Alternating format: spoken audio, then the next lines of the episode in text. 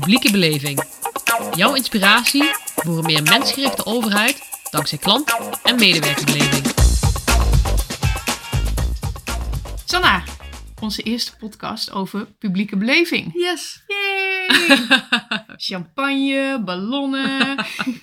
Wij vinden het in ieder geval heel leuk, zoals jullie merken. We hopen jullie straks ook. Eh, zullen we beginnen met een introductie? Lijkt me een goed plan. We beginnen bij jou. Oké. Nou, mijn naam is Sanne van der A.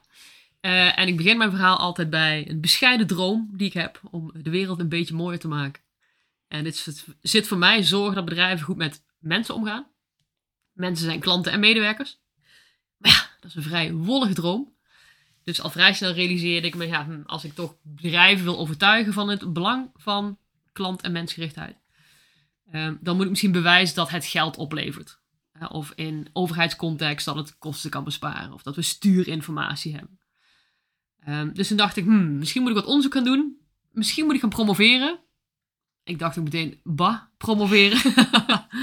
en ik kloof tussen wetenschap en praktijk is heel erg groot. Eh, en mijn missie is echt om eh, organisaties te bereiken. Dus ik had een lange lijst van dingen die ik niet wilde. Toen ben ik toch gaan kletsen met de universiteit. Eh, ik wilde ook niet in dienst van de universiteit. Op dat moment werkte ik namelijk bij eh, Capgemini. Dus zijstapje, ik ben ooit begonnen met bedrijfskundige informatica. Ehm, en mijn afstuderen toen, dat was eind 99. Ja, jongens en meisjes. Zo oud ben ik al. Eh, dat ging over CRM. Dus Customer Relationship Management. Dus toen is mijn eerste klantgericht een zaadje geplant.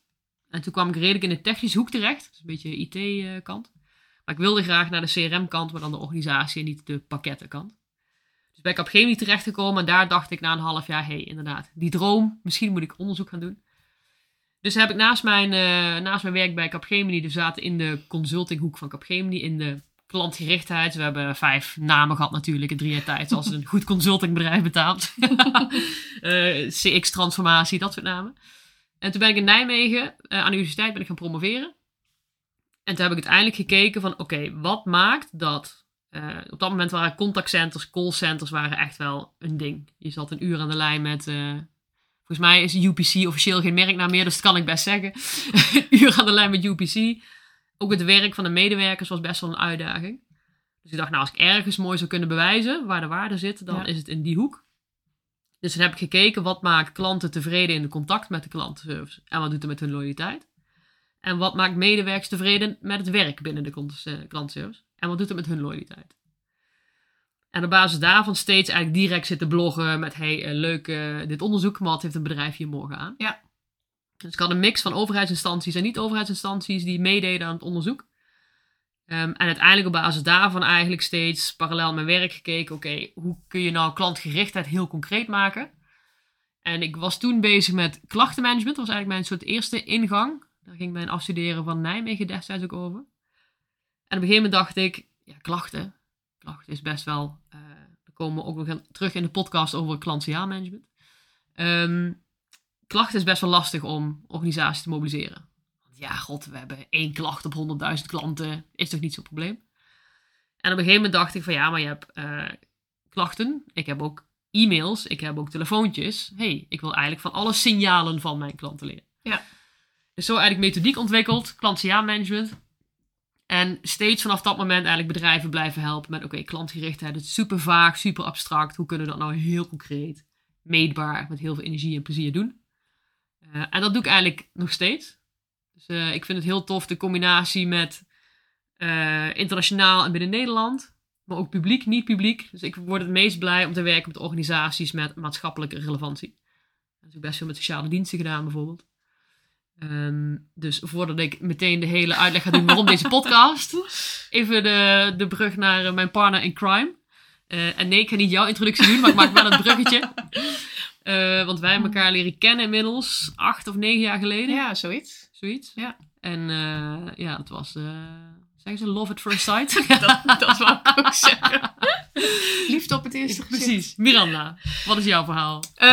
Oké, mijn verhaal. Ik ben dochter van een ondernemer.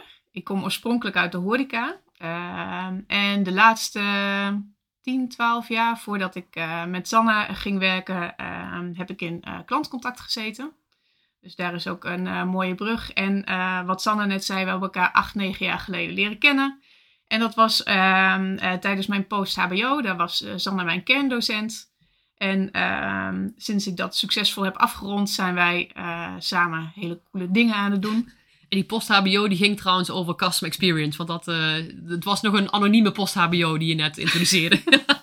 het ging over klantbeleving. Ja, ja, ging over klantbeleving. Maar inderdaad, waarom deze podcast? Want misschien een aantal van jullie weten dat we ook een Engelse versie hebben van de, hebben van de podcast.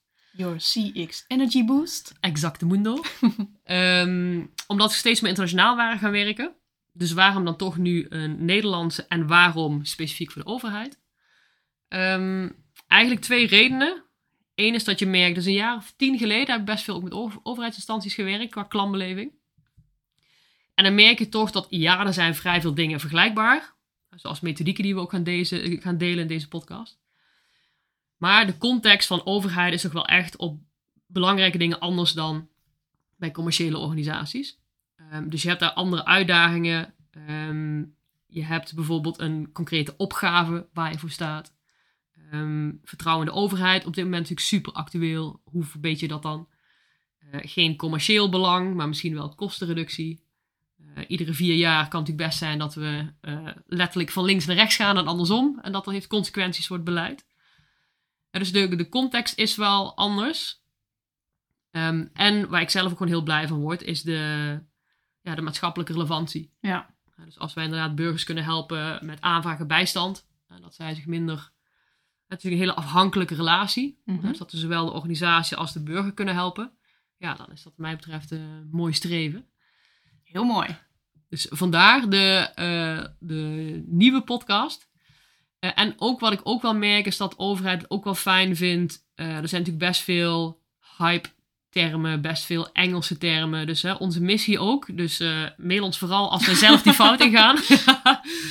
onze missie is ook om het echt heel erg in de context van de overheid ook de dingen uit te leggen. Ja, dus we gaan het niet over customer journeys hebben, we gaan het over klantreizen hebben. Het gaat niet over customer experience, het gaat over klantbeleving. Ja. Ja, dus echt dat het heel herkenbaar is uh, en dat gewoon heel concreet overheidsinstanties er iets mee, uh, mee kunnen. Dus Miranda, wat kunnen ze een beetje verwachten zo van alle podcasts die gaan komen? Heb je een idee van wat voor onderwerpen we gaan brengen? Oeh, uh, volgens mij uh, van alles. We gaan vandaag beginnen natuurlijk, je noemde het al even, klantsignaalmanagement. Ehm, dus echt even heel hoog over. Um, en um, we zaten net even te sparren, wat worden de volgende podcast?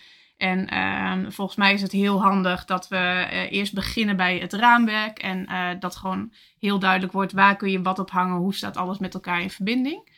Uh, dus daar gaan de komende podcast gaan daarover. Ik zit nu even te denken, dit is dus de eerste. Wat hadden we ook alweer voor de tweede gezegd? Klantsignaalmanagement. Of bedoel je na klantsignaalmanagement? Na, na klantsignaalmanagement. Ja, een ander raamwerk. Dus we hebben eigenlijk twee invalshoeken. Klantsignaalmanagement is één. Mm -hmm. Tegenwoordig werken heel graag met de vijf type beleving. Ja. Dus dat raamwerk, dat gaan we in de, zeg maar na deze introductie, na de klantsignaalmanagement podcast ook opnemen. Precies. En dan ook echt even de linkjes met uh, overheid. Uh, wat Precies. zijn daar de verschillen en uh, hoe kunnen we die gebruiken? Ja, dus eigenlijk de, de, de, zeg maar, de missie van deze podcast en alle afleveringen is maar hoe kan ik nou concreet klant- en medewerkerbeleving toepassen um, om uiteindelijk succesvol de transformatie naar meer mensgerichte overheid. Want dat is de droom wat ons betreft. en ook heel herkenbaar dat heel veel overheidsinstanties daar ook mee, in ieder geval dat heel graag willen, maar er ook mee worstelen. Ja. dus als we daar een bijdrage in kunnen leveren, dan, uh, dan is het heel mooi. Dus het is een mix van wat wij nu doen. Hè? Miranda en, en ik die praten. Miranda die vooral mij interviewt over bepaalde thema's die ik uitleg. Maar ik zal zeker ook mensen gaan interviewen van bijvoorbeeld sociale dienst met wie we gewerkt hebben. Of andere partijen die werkzaam zijn aan de overheid in het vakgebied. Zodat we ook andere perspectieven dan alleen die van ons gaan delen met jullie. Precies. En we zijn heel benieuwd wat jullie ervan vinden. Ja, dus als je suggesties hebt, ideeën, uh, uh, mail ons vooral. Uh, laat het weten. Alle input is welkom. Als we het concreet voor jullie, aan jullie behoeften kunnen laten aansluiten, is dat natuurlijk het beste. Dus ik zeg bij deze zijn we los.